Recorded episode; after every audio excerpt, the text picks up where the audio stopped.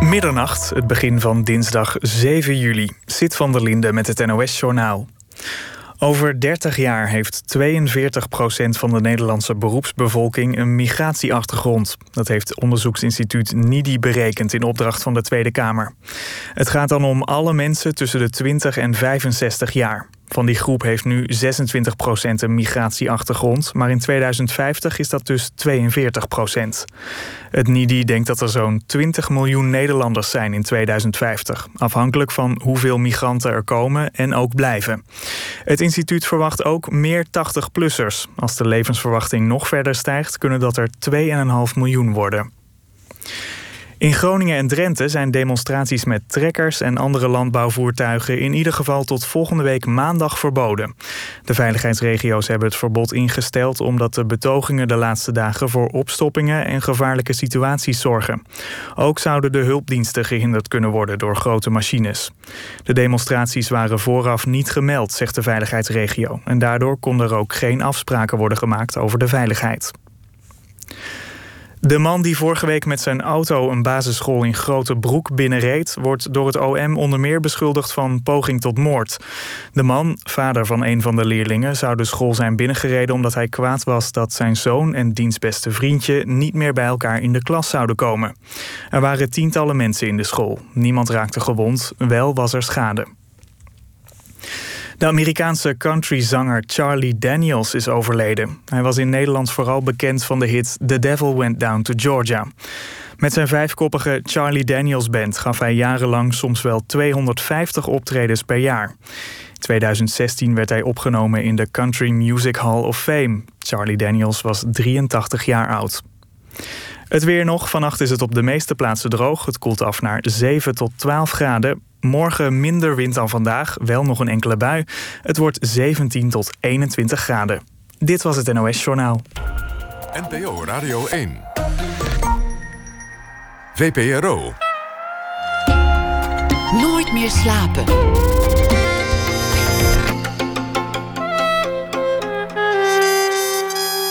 Met Pieter van der Wielen. Goedenacht, dit is Nooit meer slapen. De Denen hebben hygge de Nederlanders gezellig. En op de Balkan heb je ook zo'n woord dat zich niet helemaal laat vertalen. Inat. En inat, dat zou dan zoiets zijn als volhardend, koppig, niet geneigd tot compromissen en bovenal trots. En als Ina Bikanic, mijn uh, dochter van Kroatische ouders, iets is, dan is het waarschijnlijk wel volhardend.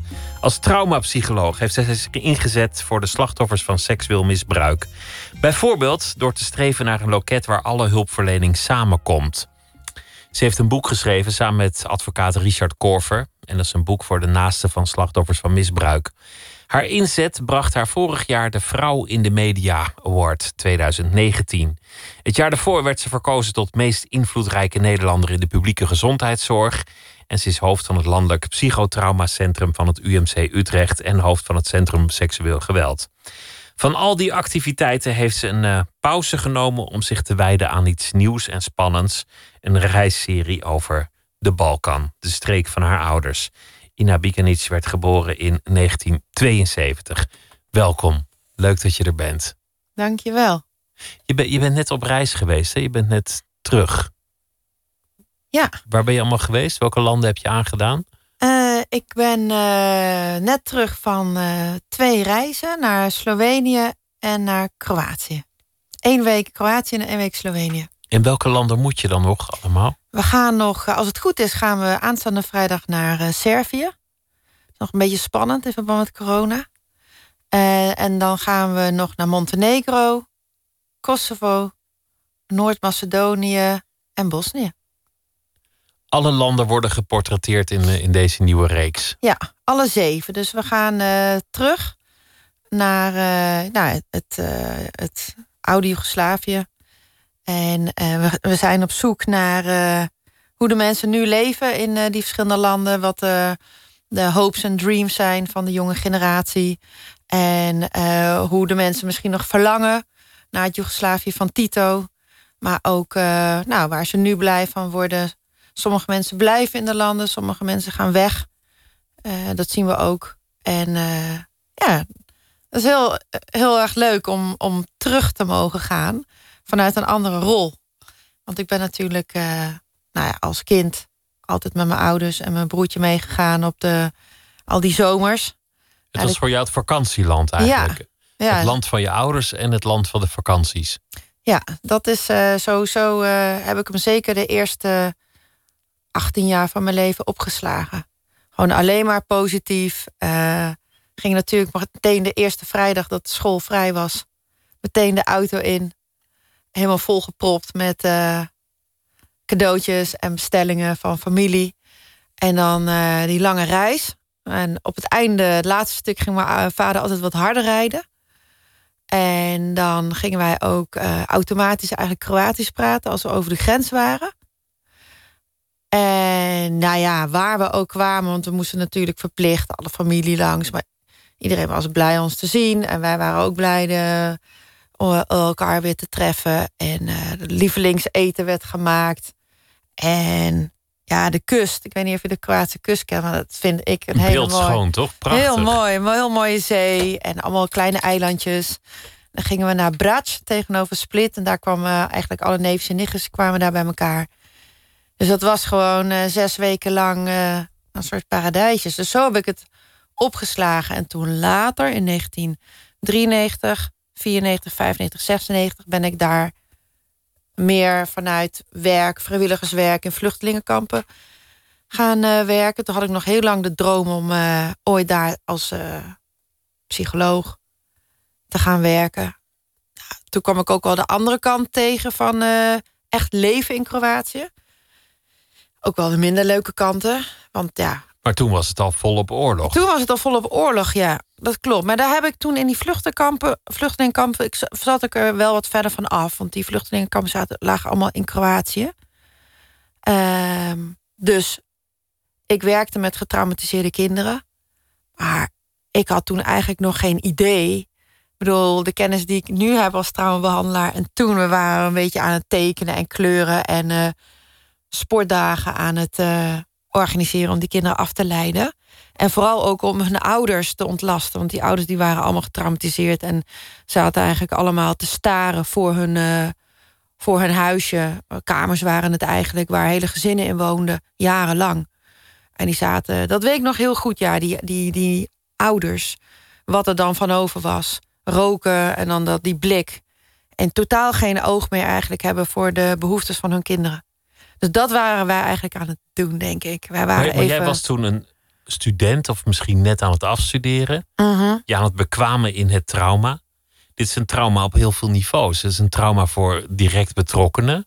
Die een concreet trauma hebben. Een, een bominslag of, of wat dan ook. Of iets gezien. Maar het is natuurlijk ook een trauma op historisch niveau. Ook voor jouw ouders die opgroeien in een land. Daar weggaan met, met hele andere redenen dan vluchten. Uh Zij gingen weg om de wetenschap te bedrijven in de Verenigde Staten. Uh En zien, zien dan ineens op afstand dat land exploderen. -huh. In scherven uiteenvallen. Met heel veel bloedvergieten. Ja. Dat lijkt me ook een reusachtig trauma. Ja, dat is ook. Dat wekt vooral heel veel machteloosheid op. En ik denk ook wel, zoals een ongemakkelijk gevoel dat zij dan, dan veilig in uh, Nederland uh, zaten. Kijk, ik was toen al in Amsterdam aan het studeren, dus ik heb niet alles meegekregen. Maar de machteloosheid kan ik me nog wel herinneren. Ze volgden alles en ze hadden altijd al heel veel contact met de familie. Uh, nou, bijna dagelijks. Uh, maar in die tijd, we hadden ook echt wel familieleden die heel dicht bij de frontlinie woonden. Was dat uh, ja, dagelijks elkaar updaten. En uh, ik denk Kijk, ik, hoe zij het aan mij hebben verteld hoe zij weg zijn gegaan. In 1968 was dat. En wilde gewoon uh, hun dromen achterna. En dat kon niet in het Joegoslavië van toen. Maar weggaan, terwijl je hele sterke familiebanden ervaart... is natuurlijk niet zonder prijs. Want je blijft wel achter met uh, een schuldgevoel, denk ik. Of het gevoel dat je iets moet goedmaken. En hoe doe je dat? Ja, dat een manier is om natuurlijk heel veel contact te onderhouden... of letterlijk je familieleden te onderhouden. Met, met, uh, met spullen ook. Met giften, cadeaus, dat ja, soort dingen. Ja, dus dat is uit zo'n land waar je zo de cohesie in familie zo sterk is. kan je niet zomaar weggaan. Ik bedoel. Dat land Dat- trekt aan je. Nee, ja, want dat is toch gewoon een individualistische keuze, hè? Om weg te gaan, om je eigen dromen te na te streven. Terwijl in het Joegoslavië van toen was het heel erg, ja, bratstvo en je dienstvo, broederschap, eenheid, samen zijn, samen zijn, samen blijven. Dat hele land werd bij elkaar gehouden door bepaalde waardes. En aan jezelf denken, dat paste daar misschien niet helemaal bij. En toch hebben ze dat gedaan. Eh, dus dat is best wel, denk ik, eh, ook wel dapper, denk ik, geweest. Om zich daaraan te onttrekken. Ja, Merk, je dat dat nog steeds ergens in je ouders zit? Dat idealisme, dat vervlogen idealisme van dat niet meer bestaande land, van die niet meer bestaande ideologie? ja nou, mijn vader die leeft niet meer. Die is een paar jaar geleden overleden. Maar hij heeft mij, hij had Parkinson. Maar zij allebei, en met name mijn vader, heeft wel heel lang nog aan mij verteld over het mooie van Joegoslavië. Het Joegoslavië van toen. Hoe mooi het is als je allemaal bij elkaar bent en iedereen gelijk is en er geen verschillen zijn. En nu we die reis aan het maken zijn voor eh BNN Vara, ehm, als je dan met de ouderen spreekt, iedereen boven de 60, nou bijna iedereen, die spreekt echt met weemoed over die tijd. En die tijd van Tito, eh, die een systeem had opgezet, die maakte dat de mensen dicht bij elkaar bleven en voor elkaar zorgden. En die verafschuwen eigenlijk de tijd van nu. Dat individualistische en dat iedereen alleen maar eigenlijk aan zichzelf denkt. En zien dat als eh, ja, de belangrijkste reden waarom eh, het eigenlijk niet echt goed gaat natuurlijk met Slovenië en Kroatië. Er is. eh, Het egoïsme, dat, ja. dat krijgt de schuld. ja. Hoeveel van, van dat land en van dat ideaal zit in jou? Wat, wat herken je van jezelf als je, als je daar nu bent en mensen interviewt, ja. mensen portretteert? Nou, ik, ik heb mezelf toen ik daar was natuurlijk wel va- vaak de vraag gesteld van... eh, huh, wie ben ik nou eigenlijk? Want ik heb eh, tot een jaar geleden... heb ik altijd het gevoel gehad, nou, hier in Nederland voel ik me thuis. Maar zodra ik daar land, naar binnen kom en het, de taal hoor... want mijn ouders hebben me tweetalig opgevoed... en ik, ik ruik die geuren en, hè, van een stad of van, van, van restaurantjes en zo dan voel ik me daar ook thuis. Maar ja, ik kwam daar en ik, ik hoorde ook wel ehm, dingen over de periode dat ik dus nog klein was. En, en Tito nog leefde, die is in 1980 overleden. Ehm, bijvoorbeeld dat bepaalde ja, nationalistische uitingen of Kroatische liedjes zingen. Dat mocht, mocht echt helemaal niet. Eh, dat wist ik bijvoorbeeld niet. Dat sommige dingen niet gezegd mochten worden. Dat werd van mij weggehouden.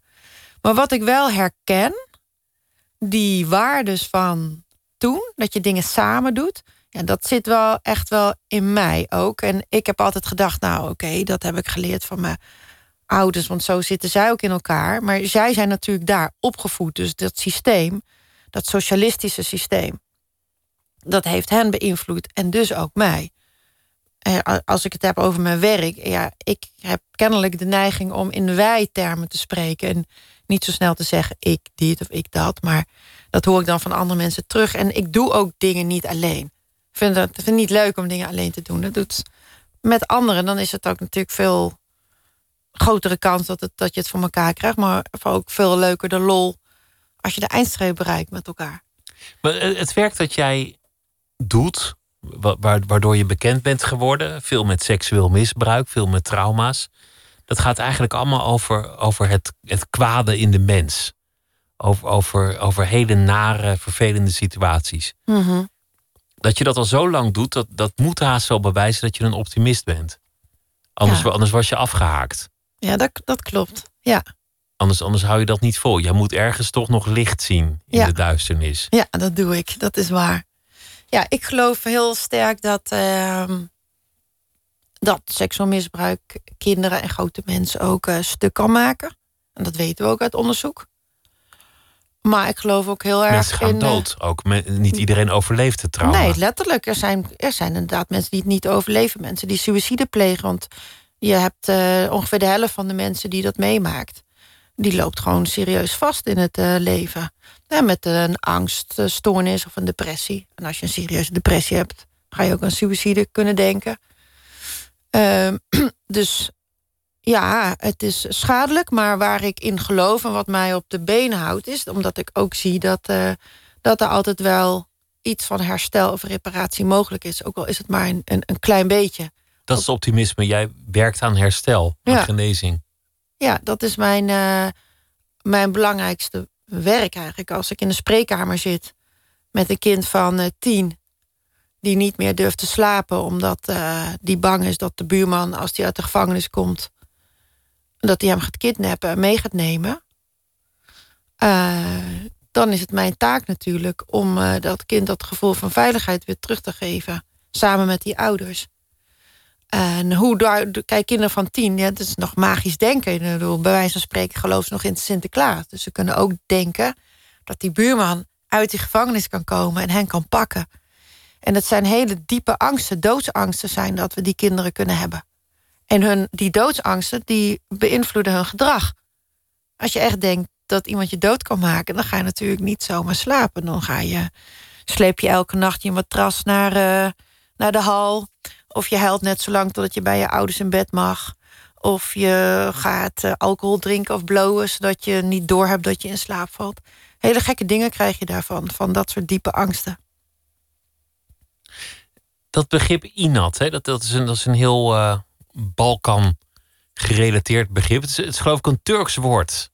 Dat zou heel goed kunnen. Het, ja, het klinkt ook... Uh, het, want de Ottomanen die zijn, hebben natuurlijk een heel groot deel van Joegoslavië bezet gehouden.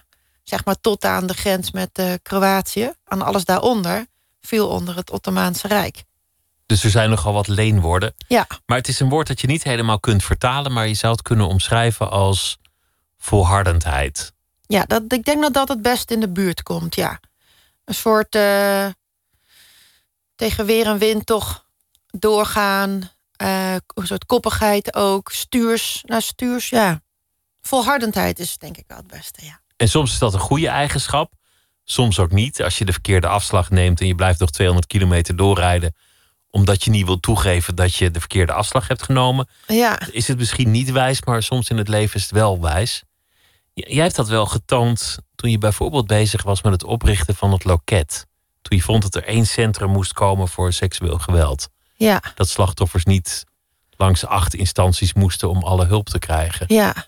Dat klopt. Maar dat Aanvankelijk waren er niet zoveel mensen die daarin geloofden.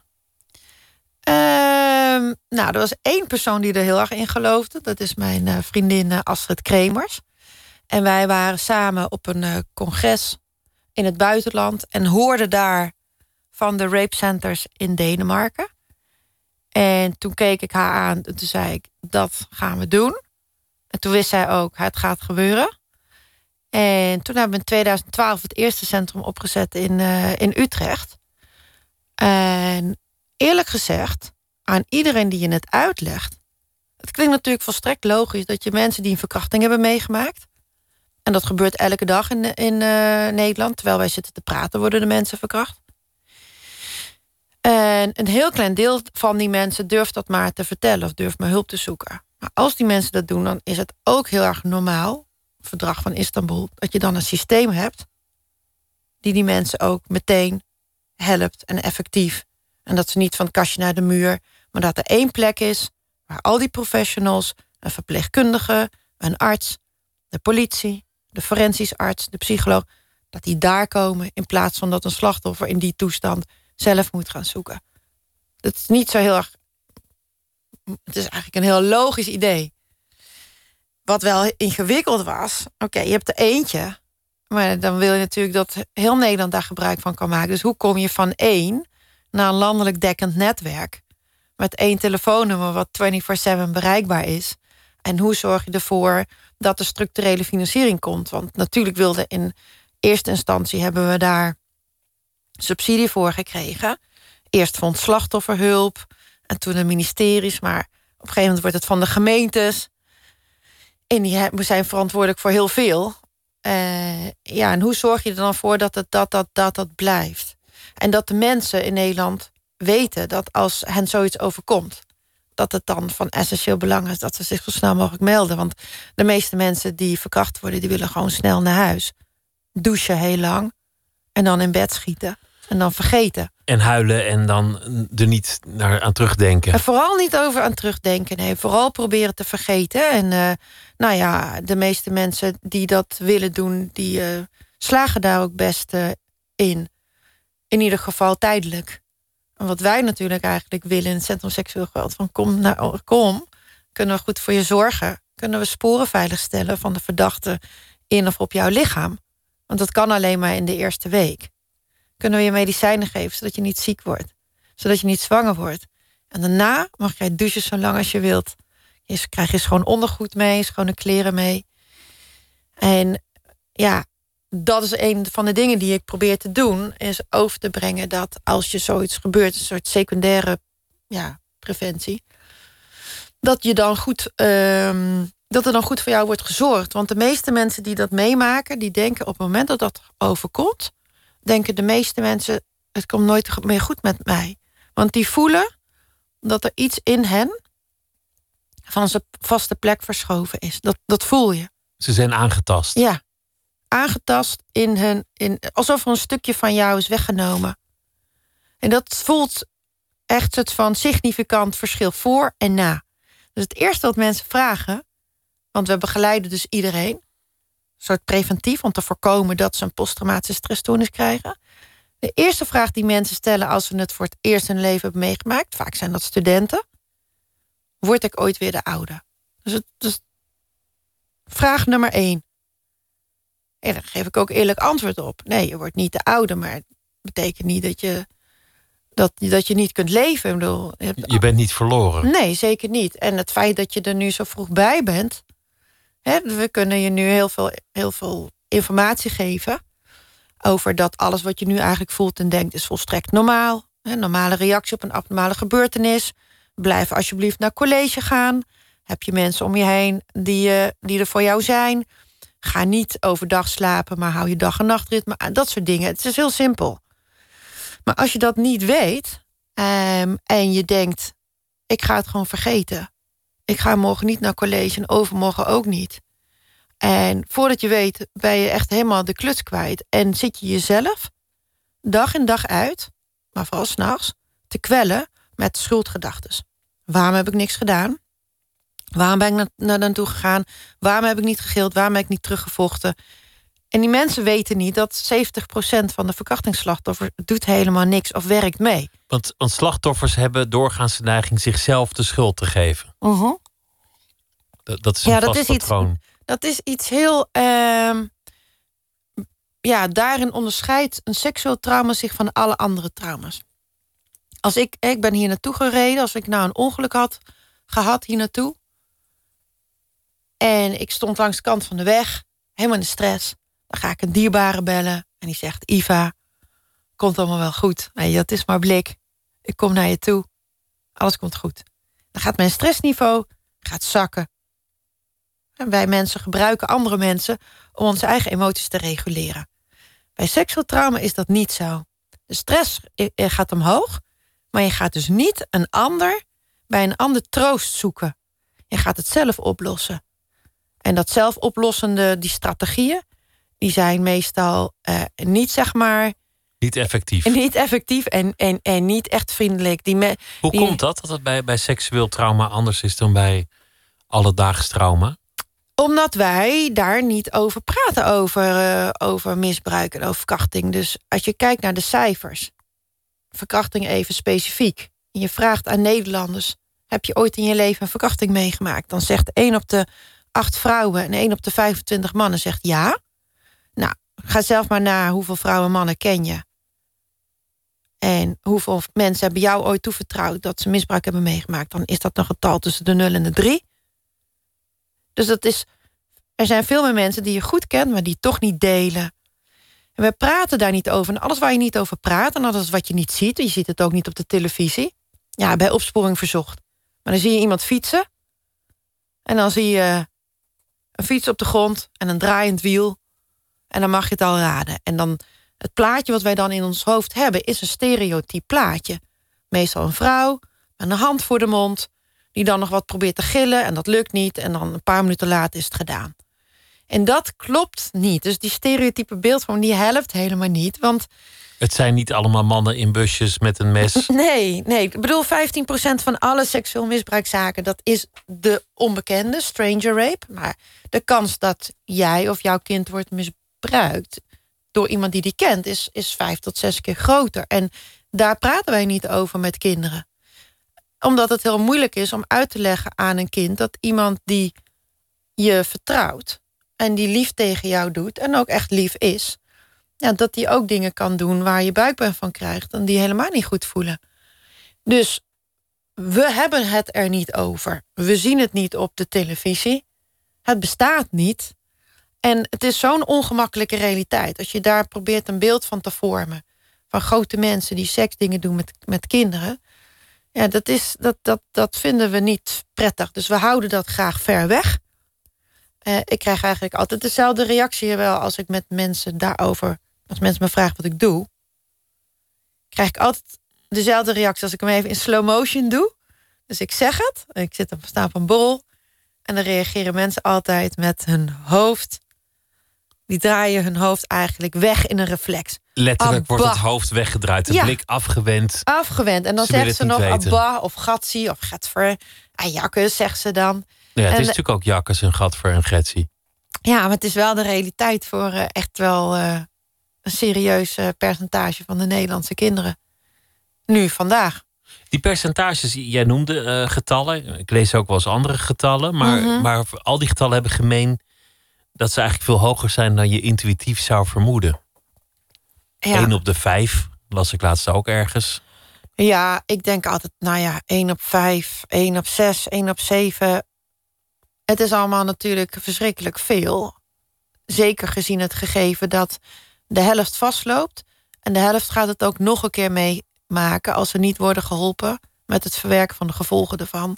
En het moeilijke is zo. Want hoe van, werkt dat? Hoe, hoe komt het dat trauma ertoe leidt dat het kwaad nog een keer geschiet? Nou, kijk, als je, als je thuis wordt misbruikt door je stiefbroer, bijvoorbeeld. En je weet dat dat niet naar buiten kan komen. Want als het uitkomt, dan gaat er gewoon iets verschrikkelijks gebeuren. Of jij moet weg, of hij moet weg. Of je gezin valt uit elkaar. Of je wordt niet geloofd. Of misschien dat de dreigementen die hij heeft gezegd van... als jij het vertelt, gaan papa en mama uit elkaar. Of wat dan ook. Je bent tien en je weet het niet. En het is, het is een soort van makkelijker om het geheim te houden. En dat kunnen kinderen jarenlang volhouden. Dat is ook onderzocht dat de, dus bewezen misbruikte kinderen... bijna de helft daarvan laat helemaal niks zien aan gedragssignalen. En de signalen die ze wel laten zien, zijn niet specifiek voor misbruik. Een SOA of een zwangerschap is specifiek voor misbruik. Maar alle andere gedragssignalen kunnen ook wijzen op iets anders. Dus het is ontzettend moeilijk om het te signaleren. Als kinderen het vertellen, dan zijn ze vaak groot. En groot bedoel ik gewoon op zichzelf staand volwassen. Vaak ook omdat ze dan pas los zijn en ook zien dat het niet klopt. En ook dan riskeren ze nog dat ze hun familie verliezen. En dat is ook een grote prijs. Alleen dus het zijn. kind, het kind wil het gezin beschermen. Ja.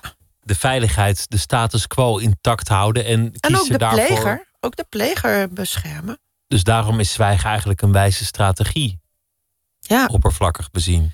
Ja, en op het moment dat, dat, het, dat het plaatsvindt, het misbruik, ben je als kind aan het overleven. Dat weet jij niet, want je bent maar een ukkepuk.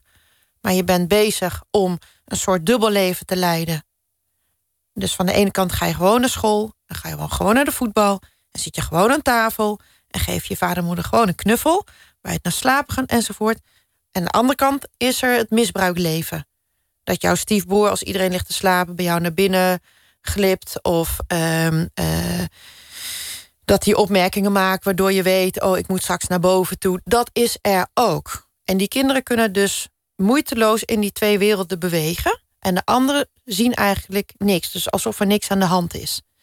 Later, als ze groter zijn, groot sterk zijn... denken ze, maar waarom liet ik dat eigenlijk gebeuren? Waarom heb ik niet gewoon... Waarom heb ik niet aan iemand verteld? Waarom heb ik niet aan mijn juf verteld? Waarom heb ik niet gewoon de deur dicht gedaan? Waarom heb ik niet gewoon gezegd, ik, ik wil niet meer? Waarom ben ik niet gewoon op een dag naar beneden gelopen? En mijn ouders zaten televisie te kijken en dat ik het gewoon vertel. Dus later, als je ouder bent en natuurlijk die machtsverhouding dan anders is, dan zie je wat je nu zou kunnen doen. En je vergeet. Dus met de kennis van nu ga je die situatie van toen beoordelen. En daar lopen mensen allemaal eigenlijk uiteindelijk op vast. Dat ze hun eigen reacties tijdens het misbruik, namelijk niks doen of meewerken, achteraf gaan veroordelen. En die, zelfverwijt wordt Zelfverwijt, ja. En die dolk, die, gaat, die is snoeihard. En daar, daar kunnen mensen zichzelf echt mee stuk maken. Maar, maar wat moeten ouders doen, of, of uh, kennissen, of, of leraren? Want je zegt, die, die klachten zijn moeilijk te herkennen. Ze zijn helemaal niet specifiek voor misbruik. Mhm. Ze zijn heel subtiel. Mhm. Ja, je wil ook niet helemaal wantrouwend door het leven of paranoïde niet, dan kunnen we niet leven. Nee. Maar de statistieken liegen er ook niet over. Nee. Dus, dus ja. Hoe dan? Hoe om te gaan met die ongerustheid en, en, wat kan je eigenlijk nog doen? Mhm. Nou, wat we in ieder geval niet moeten doen, dat, dat denk ik, denk ik. Kijk, elke vader of moeder, dat is heel on, onaangenaam, denk ik, om te horen van mij. Maar elke ouder kan een vader of een moeder zijn of worden van een misbruikt kind. Dat is niet fijn. Sommige kinderen lopen meer risico. Kinderen met een verstandelijke beperking. Kinderen die al eerder in hun leven misbruikt zijn. Alcohol en drugs. Uh, kinderen die onder verminderd toezicht staan. Kinderen met een laag zelfbeeld.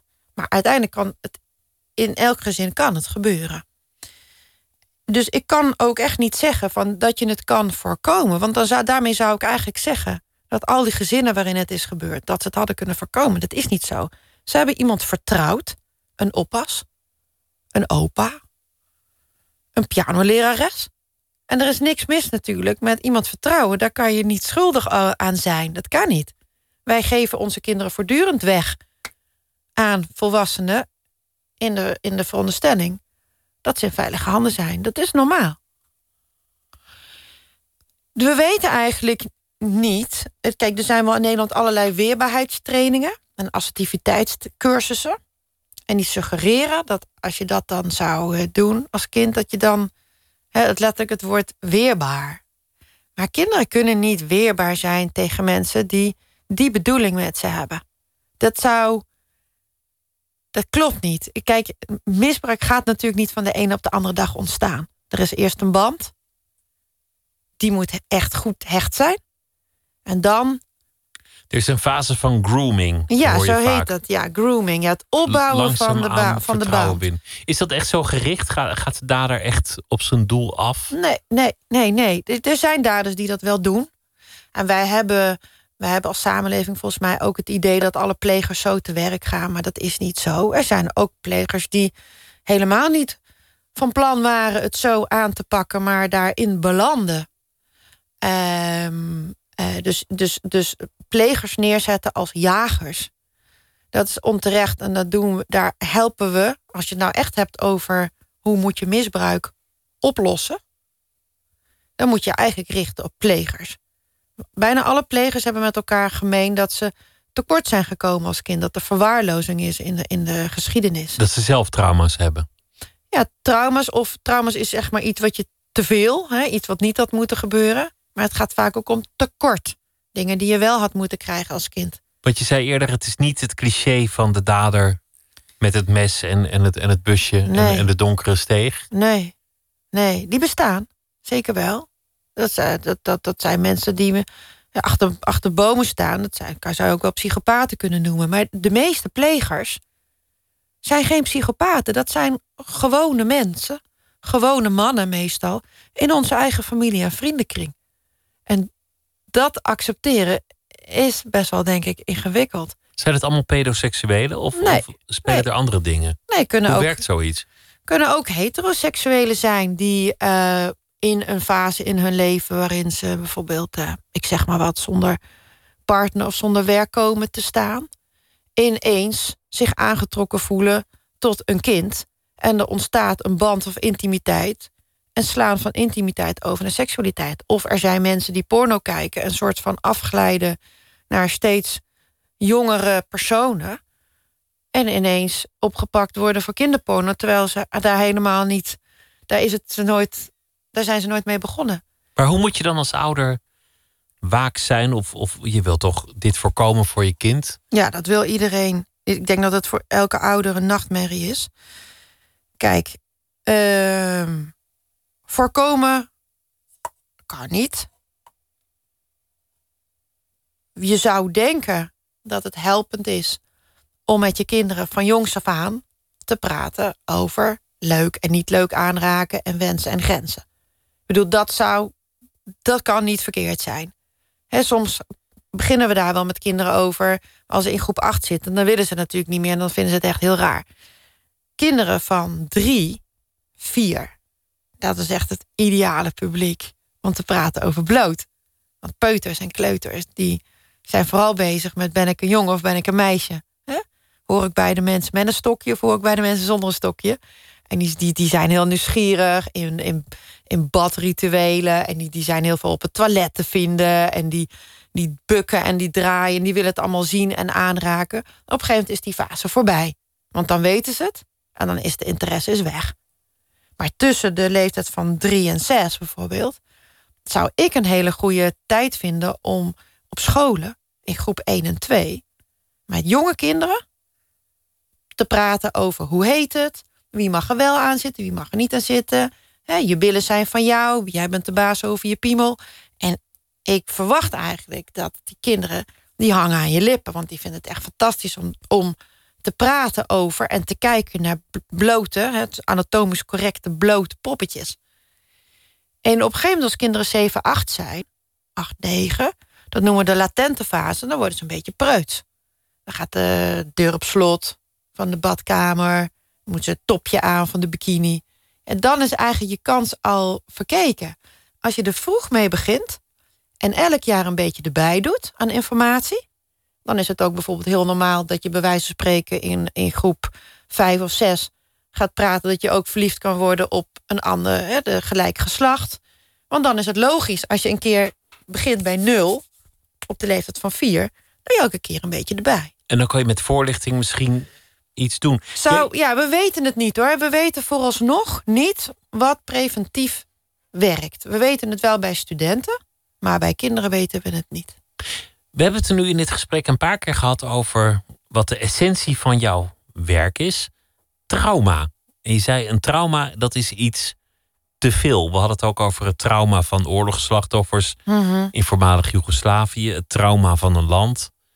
Misschien wel trauma van je ouders om, om dat land uit elkaar te zien vallen. Mhm. Steeds dat woord trauma. Wat, wat is eigenlijk trauma? Wanneer mag je iets trauma noemen? Hmm. We gebruiken dat woord vaak lichtvaardig. Ja, Niet alles is een trauma. Niet alles wat je meemaakt dat je Nee. niet aanstaat, wordt meteen een trauma. ja. Ah, dit is wel leuk, ja, want het, het woord trauma wordt eigenlijk wel steeds makkelijker te pas en te onpas gebruikt. Maar letterlijk betekent het in het Grieks wond. Een, een lichamelijke wond. En ik geloof dat het de Vet- Vietnam-veteranen waren. Hè, toen kwam de erkenning van het bestaan van PTSS... dat je ook emotioneel gewond kunt raken. Nou, in mijn vakgebied van de GGZ... ehm, heb je het over trauma's waar je een PTSS aan kunt overhouden. Een posttraumatische stressstoornis. En die moet dan volgens de DSM... dat is een, eh, eh, het handboek wat we gebruiken... handboek, ja? diagnostisch handboek, moet een trauma aan drie criteria voldoen. Het moet gaan over dood, dreiging of seks. Dat is eigenlijk heel makkelijk.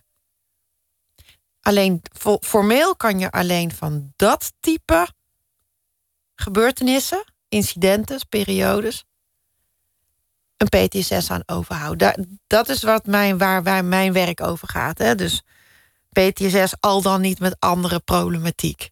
Dus dood, dreiging, seks, dat gaat. Moet je denken aan dat je in situaties zit dat je echt denkt: ik ga eraan. Ik ben er geweest. Dus een rotbaan die je ooit had of een, of een vervelende baas, dat is allemaal niet Nee, trauma. precies. Voor wie inschakelt? Iva Bikanic zit tegenover mij en zij is eh, psycholoog. Bezig met een reisserie ook over eh, de streek van haar ouders, voormalig Joegoslavië. We hebben het gehad over eh, seksueel misbruik. Een, boek geschreven samen met advocaat Richard Korver. Dicht bij huis. Over eh, hoe je kinderen moet steunen na misbruik. En we hadden het over eh, jouw eigen inzet al jarenlang. waar je ook inmiddels je sporen voor hebt gekregen op, op allerlei gebieden. We hadden het ook over, over optimisme. Want, want mijn, mijn suggestie was eigenlijk: ja, dit kan je niet doen als je een negatief mensbeeld hebt. Mm Dan wend je ook de blik af. Dan denk je, nou, dit, dit kan ik er niet nog eens bij hebben. Mm In jouw geval is, is er een enorme vechtlust omdat je denkt dat dingen wel te overwinnen zijn, wel te verbeteren zijn. Je accepteert niet dat iets erbij hoort. Dat vind, dat vind ik opmerkelijk. Lukt je dat om dat vast te houden na zoveel jaren? Ja, het lukt me eigenlijk best wel goed om het vast te houden. Maar dat komt ook omdat ik dat dus A niet alleen doe. En B. Eh, alles wat ik bijvoorbeeld nu vertel. Ik vertel dat ook omdat ik weet dat er mensen zijn die thuis aan het luisteren zijn. En die denken, dit gaat over mij. Toen ik klein was, heb ik seksueel misbruik meegemaakt. Dat zijn mensen die misschien dat nog nooit aan iemand hebben verteld. Die misschien elke dag nog worstelen met de gevolgen daarvan. En dan hoop ik altijd dat die mensen aan hetgeen wat ik vertel op zijn minst erkenning voelen. Dat ze van mij indirect horen: dit had nooit mogen gebeuren. Maar dit lag niet aan jou. je hebt het overleefd en je bent een goed kind en er is niks mis met jou. En niemand mag op die manier aan jou zitten. En ik hoop ook dat die mensen denken: hé, hey, het is niet te laat. Die Iva die heeft het over reparatie en herstel. Misschien kan het ook voor mij. Dus ik heb het dan over hoop. iedereen, iedereen hoopt. Je hoopt. Ik hoop dan dat mensen denken: hey, en misschien is dit het moment. En dat weet ik dat dat gebeurt, omdat mensen mij soms achteraf via social media uh, een berichtje sturen van ik heb dat en dat gehoord en ik heb besloten om naar de huisarts te gaan. Of ik heb gisteren mijn vrouw na twintig jaar verteld over wat ik als klein jongetje heb meegemaakt in de kerk. En dat zijn voor mij belangrijke momenten. Ook ken ik die mensen niet, dan weet ik van ja, dit is wel, dit doet het toe. He, dit moet verteld worden. Dit, dit onderwerp het heeft, heeft resultaat. Het onderwerp heeft gewoon licht nodig. Het, het, het, wil gewoon heel graag in het donker blijven. Maar daar kan het eigenlijk alleen maar ja, woekeren en, en, en, en vieze, lelijke dingen doen. En je moet het in het licht proberen te brengen. En dat betekent dat is, gaat niet alleen maar over slachtoffers, maar ook over plegers. Want we hebben de neiging als samenleving, denk ik. Want te denken, nou, die mensen die gaan gewoon uh, slechte mensen en uh, huppakee, oppakken, weg ermee. Maar daar, daar zo komen we er niet. Dat, dat kon je heel goed zien bij de documentaire met The Leaving Neverland van Michael Jackson. Nou, dan mochten niet meer naar die muziek luisteren van Michael Jackson. En uh, was een discussie over. En er was ergens een standbeeld van Michael Jackson. Dat werd neergehaald. En de boodschap die we toen hebben gegeven in die periode aan plegers is: als dit naar buiten komt, dan is jouw leven voorbij. Dan besta jij niet meer. En daarmee hebben we plegers nog verder in hun grot geduwd of het dark web opgeduwd, de isolatie ingeduwd. En dat is het het slechtste, zeg maar, context waar je een pleger met een laag zelfbeeld, omdat hij zelf tekort is gekomen, in kunt duwen. Veel beter is het om die mensen juist eruit te halen, een hand te reiken en te verbinden. En ze het gevoel te geven, ja, maar jij bent wel de moeite waard. Dus zodra je ze zeg maar wegduwt en dat, dat negatieve zelfbeeld activeert, zie je wel, ik ben ook een rotzak, ik ben ook niks waard. Dan activeer je juist het plegergedrag. Het licht, die, die documentaire is een mooi voorbeeld van hoe het kan gaan. Mhm. De lange weg er naartoe. De dader laat ze heel speciaal zijn. Mhm. Ze zijn vereerd om er te zijn. Mhm. Langzaam losweken van de ouders en van andere volwassenen. Eigenlijk een parallele realiteit creëren waarin andere dingen normaal zijn, zodat je daaraan wendt. En dan uiteindelijk ook het gebruik van macht. Weet je wel wat de gevolgen zijn als jij praat? Mhm. Weet je wel wie ik ben en wat ik kan doen? Mhm. Weet je wel wat jij zult verliezen? Mhm. Dus eigenlijk, eigenlijk is het een, bijna een, een cursusmodule misbruik voor, eh, Ja. voor dummies. Ja, alle ingrediënten die, ingrediënten die jij nu noemt, die zitten er inderdaad in. En eh, kijk, het ging toen heel veel bij die documentaire over... had hij het nou wel of niet gedaan? En ik probeerde een soort van over te brengen... maar het gaat niet over de spin of over het vlieg, over die vlieg. Het gaat over dat web. dat web van verraad, schaamte, schuld, eenzaamheid, isolatie. Daar gaat het om. En daar zit dat slachtoffer zitten in, maar die pleger zit er ook in. Die weet ook natuurlijk, net zoals het slachtoffer elke dag met zichzelf in gesprek is. Zal ik het wel vertellen? Zal ik het niet vertellen? Zal ik het wel vertellen? Zal ik het niet vertellen? De pleger heeft ook een geheim natuurlijk. Ja, die zit ook natuurlijk voordat hij daar slaapt. Die voelt zich ook niet goed. En die moet ook allerlei trucjes bedenken in zijn hoofd om te kunnen slapen. Ook, hè? Net zo. Die voert ook gesprekken met zichzelf. We begonnen met, jou, met jouw reis die je net hebt gemaakt en die serie die je aan het maken bent. Mhm. Is, is dat een, een sabbatical, een, een carrièrewisseling? Of, of weet je het zelf nog niet? Ah, Ik heb een sabbatical genomen om het te kunnen doen, want anders dan lukte het niet. Maar ik kan niet kunnen, kunnen verwachten dat ik het zo, wat ik nu heb ervaren in die twee weken op reis. Hè, met, eh, dus ging dus met de regisseur, Finbar Wilbrink, de geluidsman, Joris Schouten en eh, de cameraman, Jaco van het Hof. We waren met z'n vieren in de auto. Twee weken lang. Nou, ik kwam, gewoon in een totaal andere wereld terecht. Ik, ik wist echt niet wat ik meemaakte. Je gewoon technisch. Van, oh, je wordt wakker en dan ga je heel vroeg weg. En dan krijg je al die geluidsdingen op. En dan moet je lopen en nog een keer lopen. En gewoon het interview doen. Maar het relativeert ook van het werk. Van, ik doe dit werk natuurlijk al 20, 25 jaar met toewijding. Maar als je daar dan afstand van neemt... dan kom je ook op andere gedachten. Je denkt, oh, maar oké, ja... ik kan ook andere Zo kan het ook. zo kan het ook, ja. Dat, dat, dat, dat is ook door mijn hoofd gegaan. Ja. En wauw, wat is er eigenlijk veel over zo'n land te leren. Het gaat over politiek en over geschiedenis. En eh, ja, hoe de mensen leven. En, en je krijgt een hele andere rol. Want als psycholoog komt een patiënt komt bij mij met een hulpvraag. En ik ga die patiënt iets geven. Hè? Dat is mijn taak.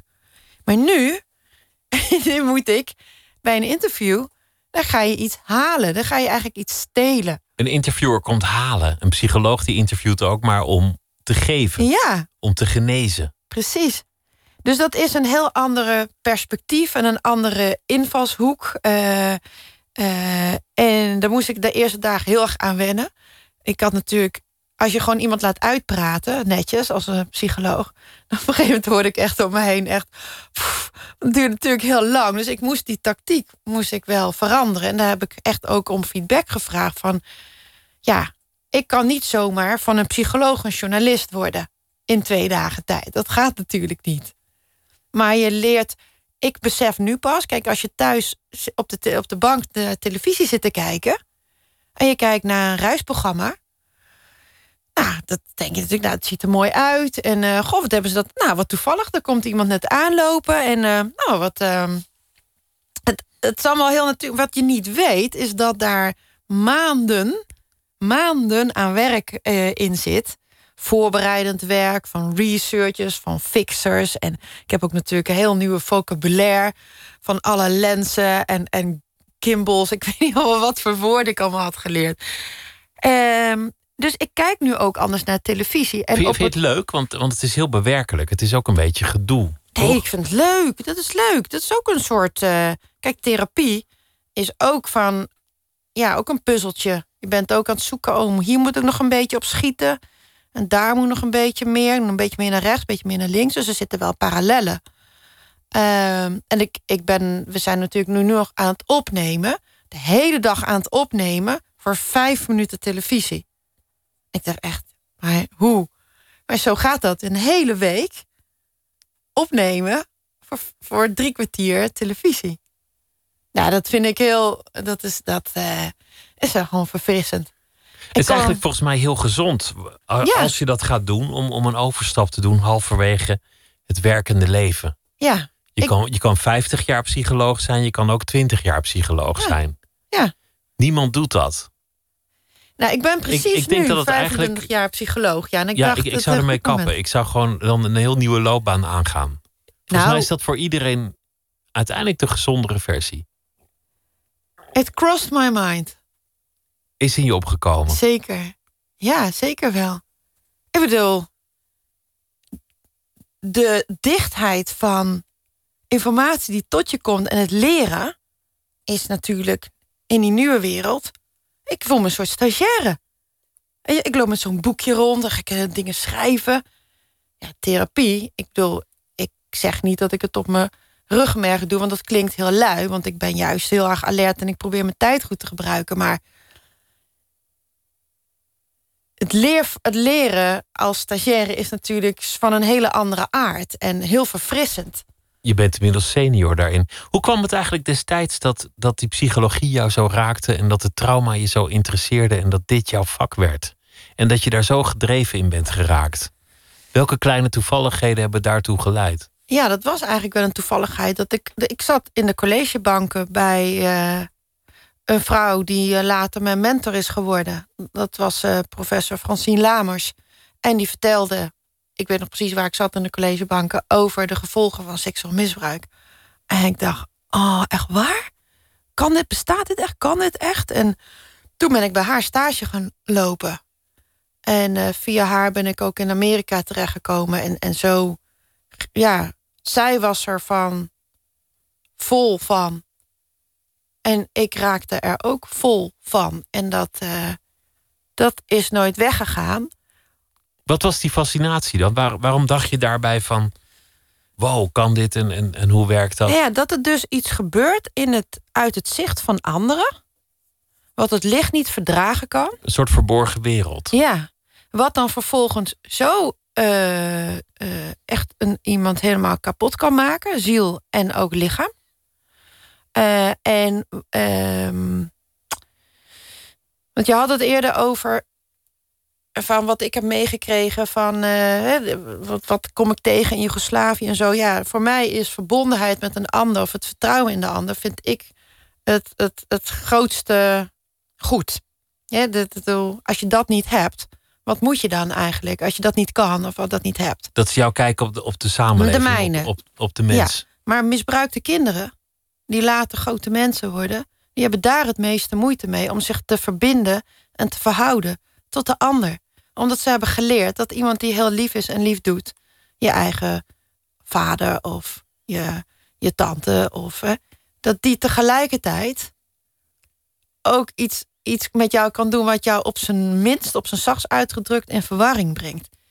En dat weten we ook uit onderzoek dat hoe meer kinderen aan mishandeling of huiselijk geweld of misbruik meemaken, hoe lager de kwaliteit van relaties is als ze volwassen zijn. En dat is natuurlijk heel triest. Dan ben je dus als kind eenzaam, maar eenmaal groot ben je eigenlijk weer eenzaam. Want je kunt je niet overgeven aan een ander. En dat lijkt mij ik moet er niet aan denken, want dan zou ik echt ontzettend eenzaam zijn. Ik denk dat we ons geluk ook halen uit het connecten en het verbinden met de ander. Maar je kunt het niet aan iemand anders zien, wat zijn trauma's zijn of wat, wat nee. erin omgaat. Deel van trauma is ook dat mensen het juist niet laten zien. Precies, daar waar en ze. wie zich niet verbindt, die heeft ook steeds minder mensen aan wie je het moet laten zien. Ja, dus je trekt je steeds meer terug en je raakt steeds meer geïsoleerd. Maar als jij geen deel bent van een groep of nergens bij hoort. ik, de, de, de, uh, Jan Terlouw die gebruikte de term in zijn interview van de Volkskrant... de sense of belonging. dat, het, dat je ergens bij hoort bij een gemeenschap of bij een groep. En dat dat ook bescherming biedt, evolutionair gezien, als je ergens bij hoort. En dat mensen die bij iemand of bij mensen horen... langer leven dan mensen die ja, dat niet hebben. En dat vind ik, uh, ik er is heel veel uh, gemeen en lelijk aan uh, misbruik. Hè? Bijvoorbeeld dat de helft van de kinderen het nog een keer meemaakt. En dat ze er zoveel moeite mee hebben. Maar dat, dat je dus... Ehm, Buiten de samenleving komt te staan? Ja, dat. dat, dat. Maar de angst ervoor zorgt er eigenlijk ook voor... dat mensen zich gaan verschuilen, terugtrekken. Hun kind ook aan de samenleving gaan onttrekken niet meer op zwemles of altijd onder toezicht. Mhm. Niet meer bij vriendjes logeren. Mhm. Niet meer op straat spelen. Mhm. Dus, dus uiteindelijk sluit je jezelf op achter je veilige voordeur. Hoe veilig die is, weet je natuurlijk ook nooit helemaal. Maar Nee. vooruit, dat versnippert ook weer. Ja, en je en, kunt je afvragen of dat helpt of dat het juist de boel in zekere zin verergert. alle hysterie over misbruik?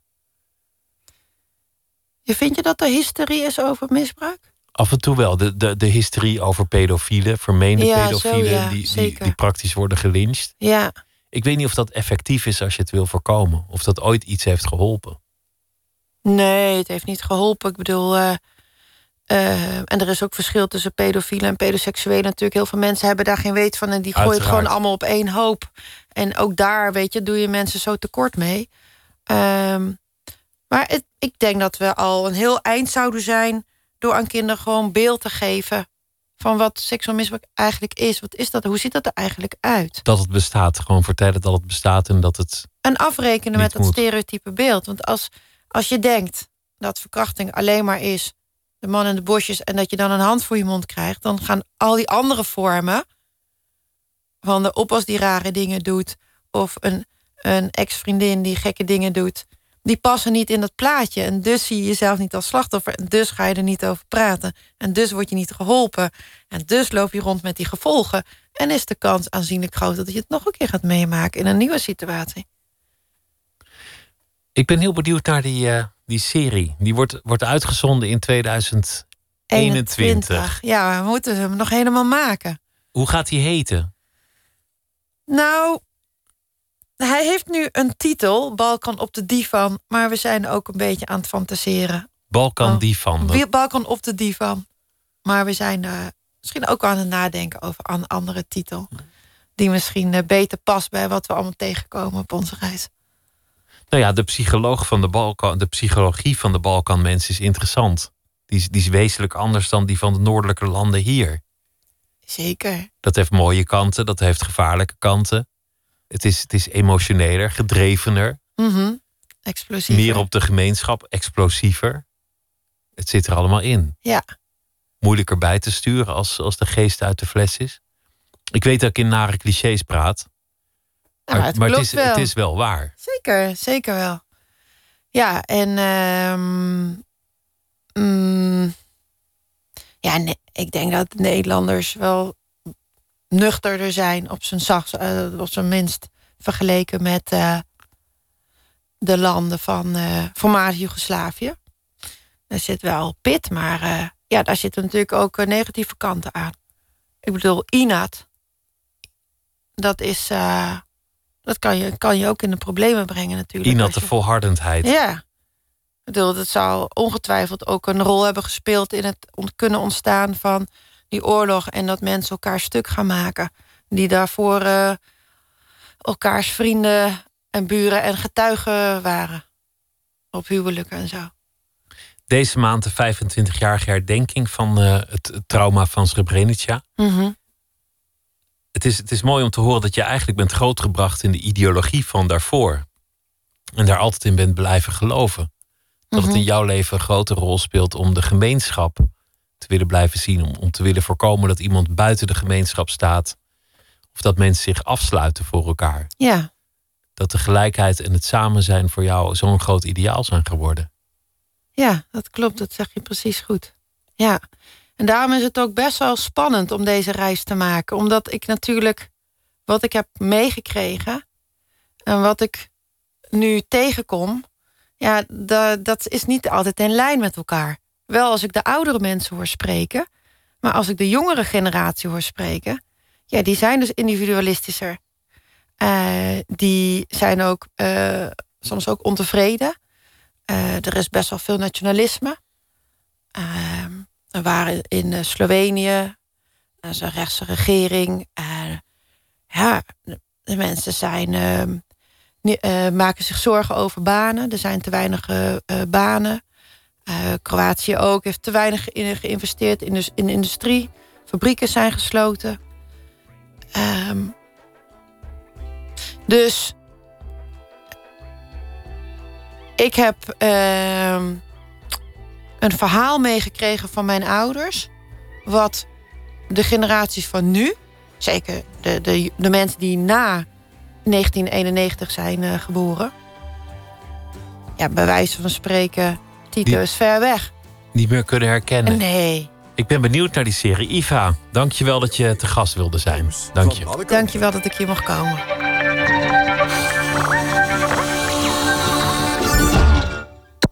NPO Radio 1.